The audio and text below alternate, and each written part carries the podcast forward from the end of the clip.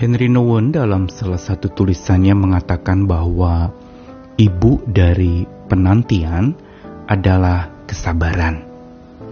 Ada benarnya apa yang dikatakan oleh Bapak Henry Nouwen, karena memang kesabaran dan penantian tidak dapat terpisahkan.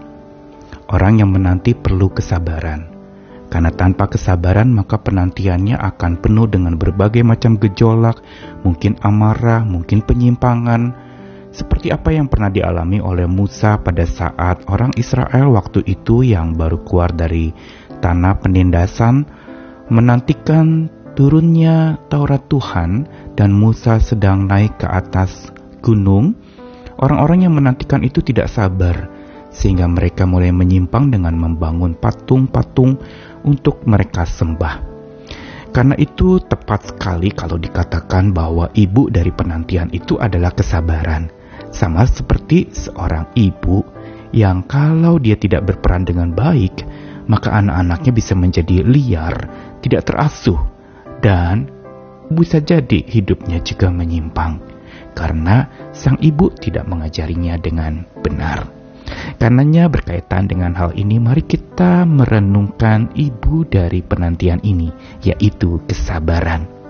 Bacaan yang diambil hari ini saya Nikolas Kurniawan mengajak dari Yakobus pasal 5 ayat 7 sampai ke 11. Karena itu saudara-saudara bersabarlah sampai kepada kedatangan Tuhan.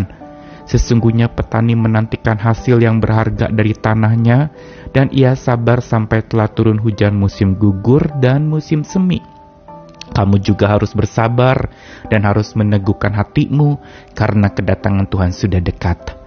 Saudara-saudara, janganlah kamu bersungut-sungut dan saling mempersalahkan, supaya kamu jangan dihukum. Sesungguhnya hakim telah berdiri di ambang pintu.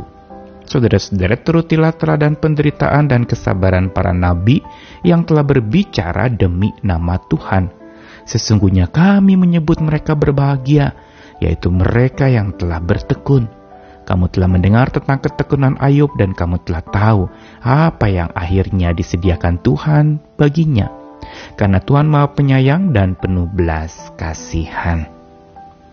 Yakobus pasal 5 kembali mereview dan mengajak para pembacanya untuk belajar bersabar.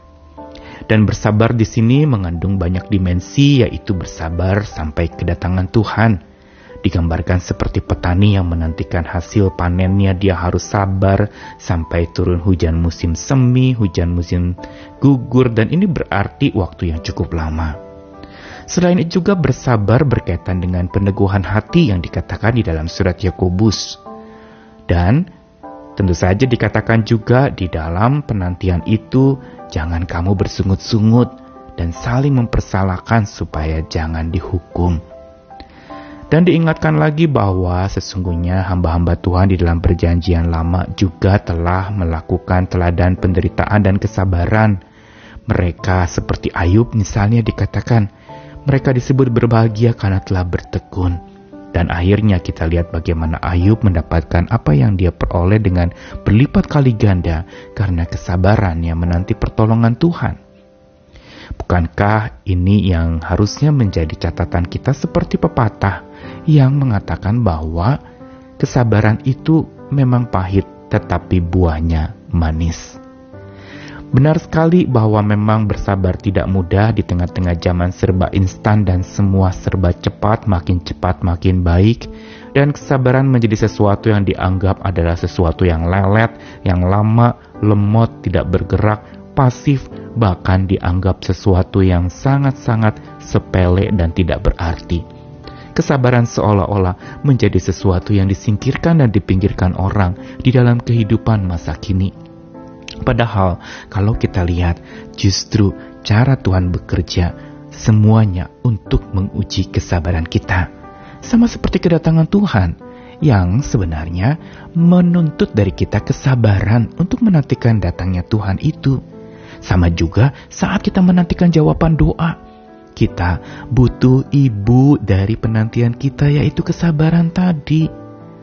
Karena sang ibu dari penantian itu kalau dia tidak mengasuh dengan baik, maka penantian itu akan menjadi sesuatu yang liar. sehingga tidak jarang orang yang saat menanti tidak datang-datang atau jawaban doa tidak tiba-tiba, tidak hadir, dan apa yang diharapkan itu tidak lalu mengalir dan datang kepada seseorang, dia bisa menjadi marah, menjadi liar, menjadi buas, bahkan culas, lalu berbuat cemar. Seperti yang tadi saya katakan, orang-orang Israel yang menantikan Musa turun dari gunung mereka akhirnya menjadi liar, karena mereka lupa ibu dari penantian mereka, yaitu kesabaran. Mereka tidak menjadi sabar.